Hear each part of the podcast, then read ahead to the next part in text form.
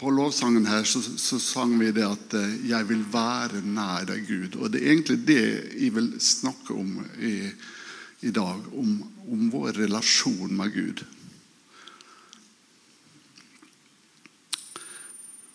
Det er så viktig å ha en å vite hvordan vår relasjon med Gud er. Og jeg har ikke alltid visst det. Jeg, jeg eh, var så heldig at jeg fikk ta imot Jesus sånn, eh, i 14-årsalderen. Jeg vet ikke helt hvor gammel jeg var, men det var omkring da. Og etter det så har jeg egentlig vært på ei trosreise, vil jeg kalle det. Ei trosreise. Og den første delen av min trosreise så, så uh, var fokuset mitt hva skal jeg gjøre for deg, Gud?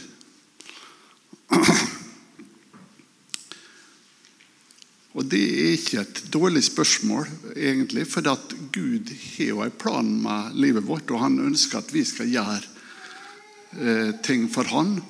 Og Hvis vi f.eks. leser misjonsbefalinger, så står det Eh, en del ting der om hva vi skal gjøre.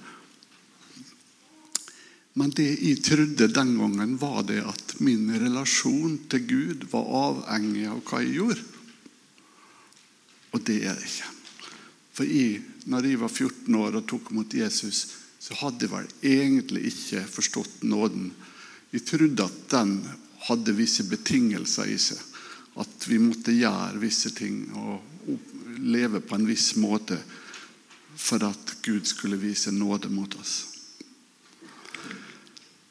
Så gikk jo åra, og jeg begynte å forstå litt mer av nåden og begynte å forstå at frelse var gratis. Og da endra spørsmålsstillinga seg litt, med, litt fra hva jeg skal gjøre for Gud, til hva kan du, Gud, gjøre for meg? Og jeg begynte å nærme meg Gud eh, omtrent som når jeg går til å beate på Coop-en på Tornes med ei handleliste. Jeg trenger det, og jeg trenger det, og jeg trenger det, og jeg trenger det. Og Gud, må du gi meg det, og må du gi meg det. Etter hvert så viste det seg at det ble veldig mange bønner, men egentlig få bønnesvar, syns jeg. Gud var god mot meg. Det var ikke noe med det. Men jeg trengte å komme enda et steg videre i min trosvandring. Og Gud var nådig mot meg, og jeg fikk gå videre, og han åpenbarte ting for meg. Så nå er spørsmålet mitt enda litt annerledes. Spørsmålet mitt i dag er hva har du allerede gjort for meg, Gud? Jeg har forstått mer dybden i nåden. Og Skal vi finne ut hva Gud har gjort for oss, så er det bare én måte å gjøre det på, og det er å bli kjent med Gud. Og det blir vi med å gå til Hans ord. Hvis vi går til, eh, til ordet, så, så, finner vi dette verset som jeg har lyst til å lese nå. Og Det er et av mine favorittvers i Bibelen, og jeg nevnte det mange ganger tror jeg, før tidligere når jeg taler. Det er 2. Peter, eh, kapittel 1, vers 3 og 4. Og Kanskje den kommer på skjermen her, men jeg skal lese det fordi Hans guddommelige kraft har skjenket oss alt som tjener til liv og Guds frykt. Eh, på engelsk står det 'godliness', altså gudelighet. Alt som tjener til liv og gudelighet ved at vi kjenner Ham som kalte oss ved herlighet og guddomskraft. Ved dette er vi skjenket de største og mest dyrebare løfter. For at dere gjennom dem skulle få del i guddommelig natur. Wow! Der har vi det på skjermen. Vi er blitt skjenka de mest dyrebare løfter. Men hvordan skal vi få del i det? Jo, ved å kjenne Han. Stikkordet er å kjenne Gud, ha en relasjon med Gud. Og da kan vi ta, ta opp eh, Johannes 17,3, eh, som jeg òg har nevnt flere ganger. Også sist jeg talte òg. Dette er det evige livet, at de kjenner deg, den eneste sanne Gud, og Jesus Kristus, Han som du har utsendt. Hvis vi ikke kjenner Gud, så får vi heller ikke del i det evige livet. Eh, altså vi, vi, kan være frelst, vi kan, vi kan uh, være født på ny bare ved å ta imot Jesus. For hver den som tror på han skal ikke gå fortapt, man har evig liv. Så, så den relasjonen kan være i orden. Men vi trenger å kjenne Gud for å vite hvem vi er i Han.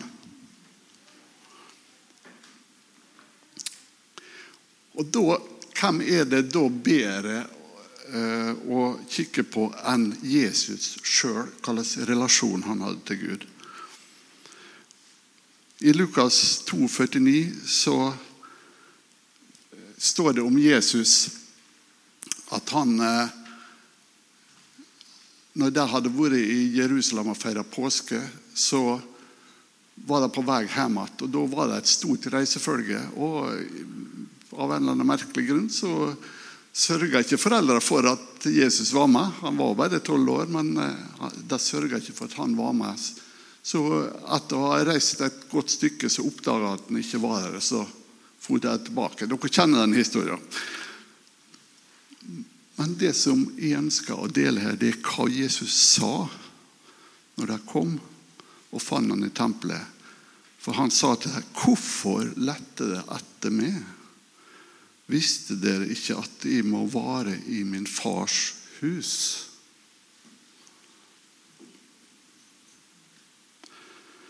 Jesus hadde en veldig allerede på det tidspunktet et veldig nært relasjon til Gud som far. Så nært at han syntes at det må være helt selvfølgelig at de skal være i min fars hus. Det syns jeg er veldig, veldig flott å tenke på. Og det er et eksempel for oss. Det andre jeg har lyst til å lese, står i Markus 1,11. Det er da Jesus blir døpt av Johannes. Det er en eh, historie dere sikkert kjenner det òg. Og så åpner himmelen seg, og det, Den hellige ånd kommer nedover Johannes som er due. Og så kommer det ei røst som sier det. Du er min sønn, den elskede. I deg har jeg behag. Ordet 'den elskede' det er et litt spesielt ord. Vi kan elske mange forskjellige. Vi kan elske familien vår, ungene våre, vennene våre. Men det er bare én som er min elskede. Det ordet er kanskje ikke så mye brukt lenger. Men det er et viktig ord når det blir brukt i denne sammenhengen. her, For det betyr at Gud så på Jesus som spesiell. Han var hans elskede. Han var liksom den første Den, den som Gud elska høyeste. Som hadde han, som den Gud hadde nærest relasjon til, for å si det sånn.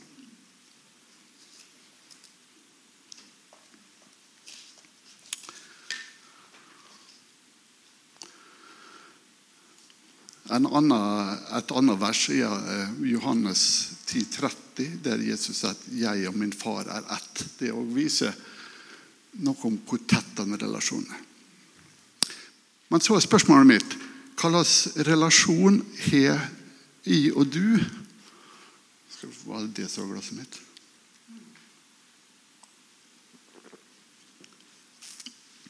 Hva slags relasjon har jeg og du?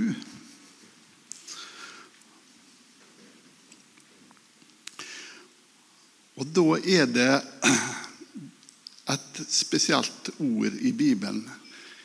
Noen, eh, noen ganger så så, så, går jeg inn i, i, den for å se hva, hva, ord som er brukt på gresk. Jeg kan ikke gresk, jeg har ikke lært det. Det blir, det blir omtrent som når vanlige folk går inn i felleskatalogen og leser om medisiner. Det Jeg er ikke utdanna i, i, i, gresk. Men, men, fordelen med å se på greske ord er det at i det norske språket så er, har vi et begrensa antall ord. Og i det greske så Jeg vet ikke helt nøyaktig tall, men det er mange ganger så mange ord i det greske språket som det er i det norske. Derfor så, De som skal oversette Bibelen, de står i et litt dilemma. for at det, Der er det et ord som ikke fins på norsk. Hva, hva, skal, hva, i all verden skal jeg oversette det med? Og Noen ganger har jeg faktisk valgt å bruke det greske ordet og ikke oversette det, for at det fantes ikke noe ord. Og Et eksempel på det er evangelium. Evangelium er ikke noe norsk ord. Men de fant ikke noe ord å oversette med. Men det er et ord som heter iotesia, og det har de oversatt i den norske bibelen med barnekår. Da må du ta fram eh, Galaterbrevet 4 eh, Nei, da må du ta fram Efeserbrevet 1,5. Er du det?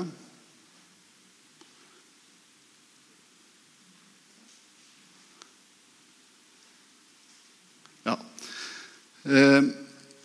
der er det brukt ordet barnekår. Eh, og det som det ordet iotesia det var I jødisk tradisjon så, så var det noe som skjedde når barn, et eh, barn ble tolv år. Da ble det tatt inn fra barnekåret og inn i det voksnes rekker. Altså det, ble, det var eh, Før de var tolv år, så var, det, var et barn regna som en slave eller som en tjener. Mens når de ble tatt inn i, i de voksnes rekker ved tolvårsalderen, så ble de tatt inn i familien, på en måte. Og Det ordet er det som er brukt her i Efesene 1,5. Vi blir tatt opp i Guds familie. Vi blir gjort til sønner, egentlig. Både dere som er damer og dere som er menn her, blir gjort til sønner i Guds rike. Altså, Vi blir stilt på en måte på lik linje med Jesus. Jesus ble vår bror. Vi blir tatt opp i den familien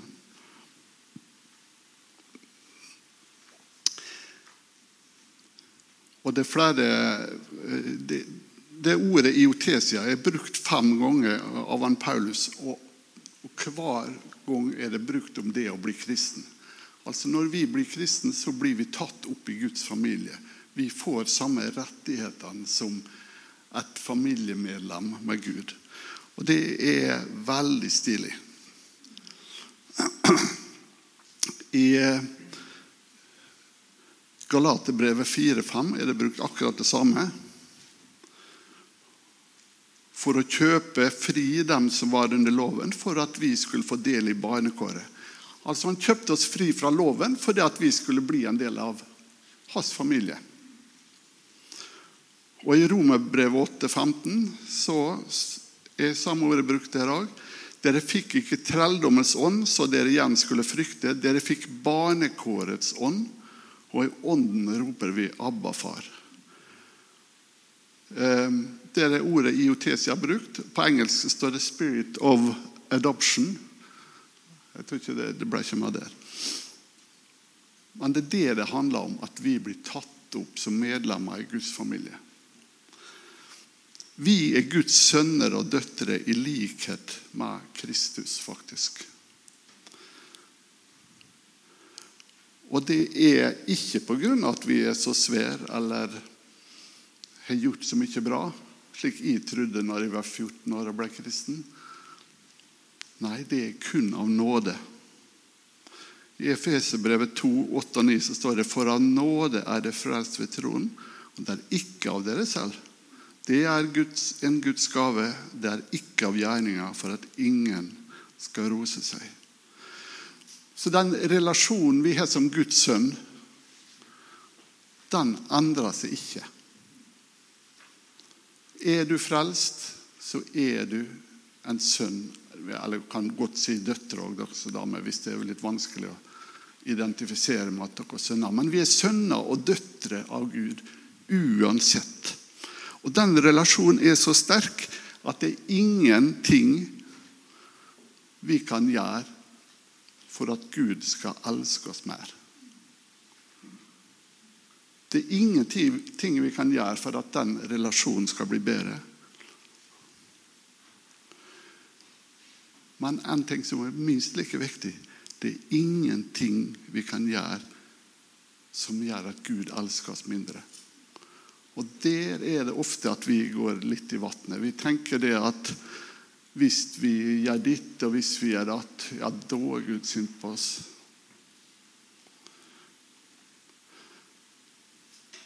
Men jeg er sønn til han Morten Dreyer. Han er død nå, men jeg er sønnen hans. Hvis de gjorde et eller annet som, som eh, irriterte han eller som han var sint på, betyr det at de ikke lenger var sønn? Nei, det gjør ikke det. Et sønneforhold er noe som står fast. Om jeg, om jeg skikkelig fornærmer en pappa, så vil jeg likevel være sønn, og den dagen han døde, så vil jeg likevel arve han. Det har ikke, Sønneforholdet har ikke noe med vår oppførsel å gjøre. Det syns jeg er litt sterkt. For slik er det i forhold til Gud òg. Er vi født på ny, har vi tatt imot Gud, så er vi for alltid Guds elskede sønn og datter. Og Det er, kan være litt vanskelig å forstå. Egentlig så er det helt umulig å forstå. Men det hjelper litt hvis vi, hvis vi kan forstå dette med ånd, sjel og legeme. Og jeg vet For noen år siden så, så var det undervist litt her i kirka, men det er ikke vært sagt så mye nå eh, i det siste. Så jeg, jeg tenkte å ta litt opp igjen det både i dag og, og kanskje senere i, når jeg skal preke og snakke om ånd, sjel og legeme. Det er nemlig slik at vi består av ånd, sjel og kropp.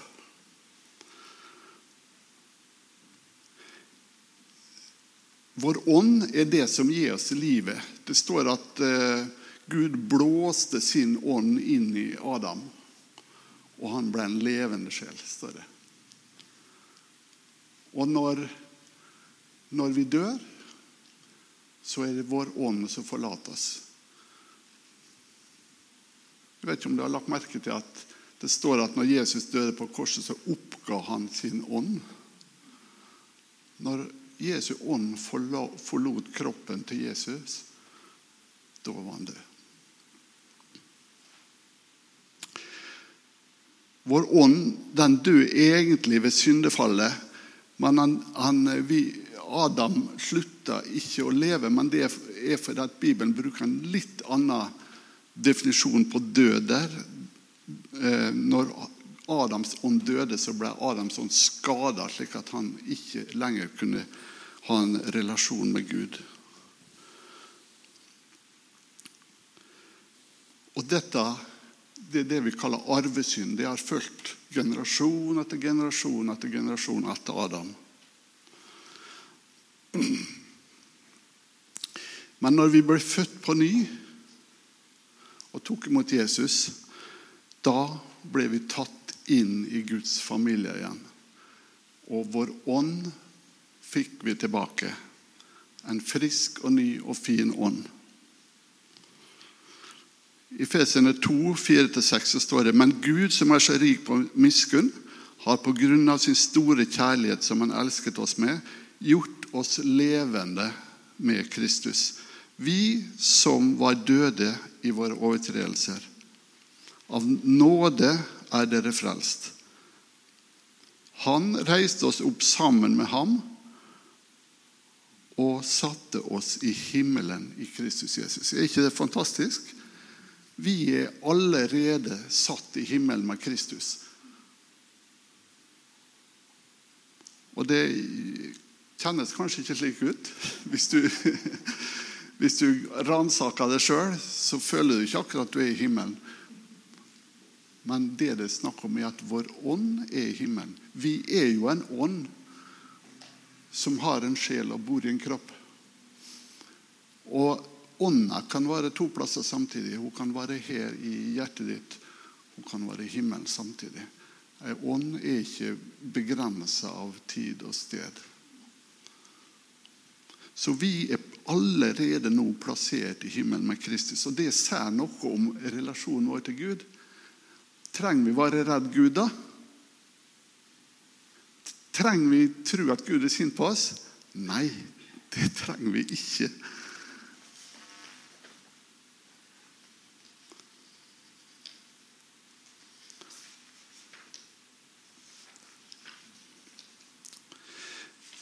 Eh, Nikodemus, dere kjenner en historie om han eh, rådsherren som kom til Jesus om natta og, lurte på dette med, med den nye fødselen. Og da sier Jesus til at sannelig, sannelig, jeg sier dere, den som ikke blir født av vann og ånd, kan ikke komme inn i Guds rike. Før så trodde de at det, det å bli født av vann at det var dåpen. Men jeg tror, slik jeg har lært på bibelskolen, så er det ikke det det er snakk om. Det å bli født av vann, det er barnefødsel. det. For alle som eh, har vært med på en fødsel, vet at det er mye vann. Ungen kommer plumpende ut med masse vann. Så å bli født av vann er en naturlig fødsel.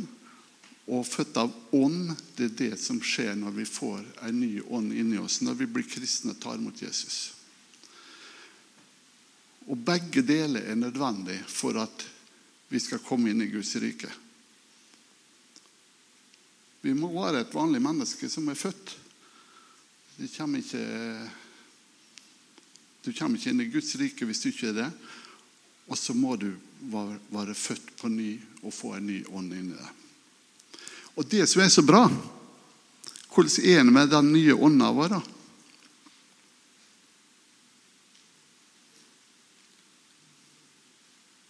Hvordan er det med den nye ånda vår? Jeg vil komme med en påstand nå som kanskje gjør at noen eh, Kanskje ikke dette stolen, men eh, man begynner å lure litt. Jeg vil komme man påstand om at vår nye ånd er like perfekt og feilfri som Jesu ånd. Vi har ei ånd som er likedan med Jesu ånd. Og ikke nok med det, men den er forsegla av Den hellige ånd. Den hellige ånd har tatt plass i vår ånd og forseglet, blitt forsegla, slik at i motsetning til Adams ånd, som ble ødelagt ved syndefallet, så blir ikke vår ånd ødelagt om vi synder. Vi sier ikke det at det er lurt å synde, men din, din gudsrelasjon, din ånd, blir ikke ødelagt om du synder. Og det er veldig, veldig bra å vite. Vi er rettferdiggjort ved tro, uavhengig av gjerningene våre. Og Det er flere vers i Bibelen som bekrefter det. Og 1. Johannes 4, 17, der står at for, i, for som Han er, slik er vi i denne verden. Det er et, et vers å bryne seg litt på. Slik som Jesus er, slik er vi. Du kan du kan se, se den setninga om deg sjøl. Roger kan se det på bakerste benk her. Slik som, eh, slik som Jesus er, slik en Roger. Midt i bu. Ja. Og da er det ånda det er snakk om. Det er, ikke, det er ikke kroppen vår, for kroppen vår er ikke perfekt. Og det er ikke sjela vår, for sjela vår er ikke perfekt. Men ånda vår er slik som Jesu ånd. Et annet vers som sier det samme, er at men den som er forenet med Herren, er én ånd med ham. Det står i 1. Korinterbrev 6, 17. Der har du det, ja. Svært han Daniel altså på skjerm. Det, det er bra. Og enda et tredje vers. Eh, Hebreerne 10,14.: For ved ett offer har han for all evighet gjort dem fullkomne som er helliget. Eh, ja.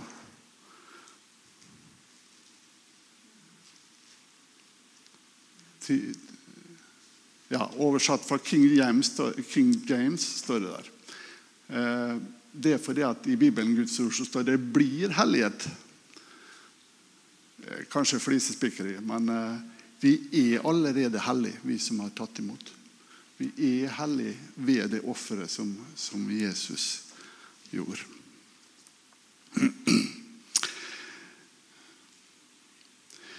Når vi ser på oss sjøl, så er kanskje dette uforståelig, og følelser og tanker strider imot at vi er hellige. Eh, men vi er helt nødt til å speile oss i Guds ord og stole på mer på det ordet seg enn det vi sjøl ser og føler. Med å gjøre det så vil sjela gradvis forandre seg og identifisere seg med sannheten. For det er Guds ord som er sannheten, faktisk. Det er ikke det vi ser og, og, og føler. Det er ikke det som er sannheten. Det Guds ord er overordna det som vi ser og føler. Så dette, dette, står om i 2. kor 318. Men vi alle som er utildekket ansikt, ser Herrens herlighet som i et speil, blir forvandlet til det samme bildet fra herlighet og til herlighet som av Herrens ånd. Altså når vi leser Guds ord, så blir, vil Guds ånd virke på oss slik at vi blir forandra, og, og, vår sjel begynner å se det samme som, som vår ånd. Og da vil trua vår vokse og utvikle seg, slik at dette blir integrert i våre trossystem.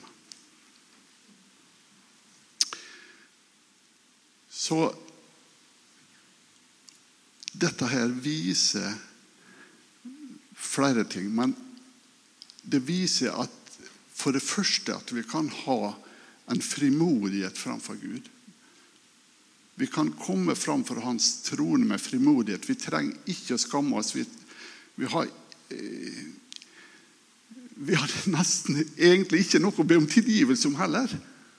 Det er kanskje noen som reagerer på det òg. Men, men det, det, er allerede tilgitt. Det var gjort det for 2000 år siden. Det er Forholdet til, til Gud er i orden. Det er i orden. Jeg sier ikke at vi ikke skal be om tilgivelse. Det er bra å gjøre det. altså. Men om du skulle glemme å be om tilgivelse for en ting, så er du likevel tilgitt. Så senk skuldrene, slapp av.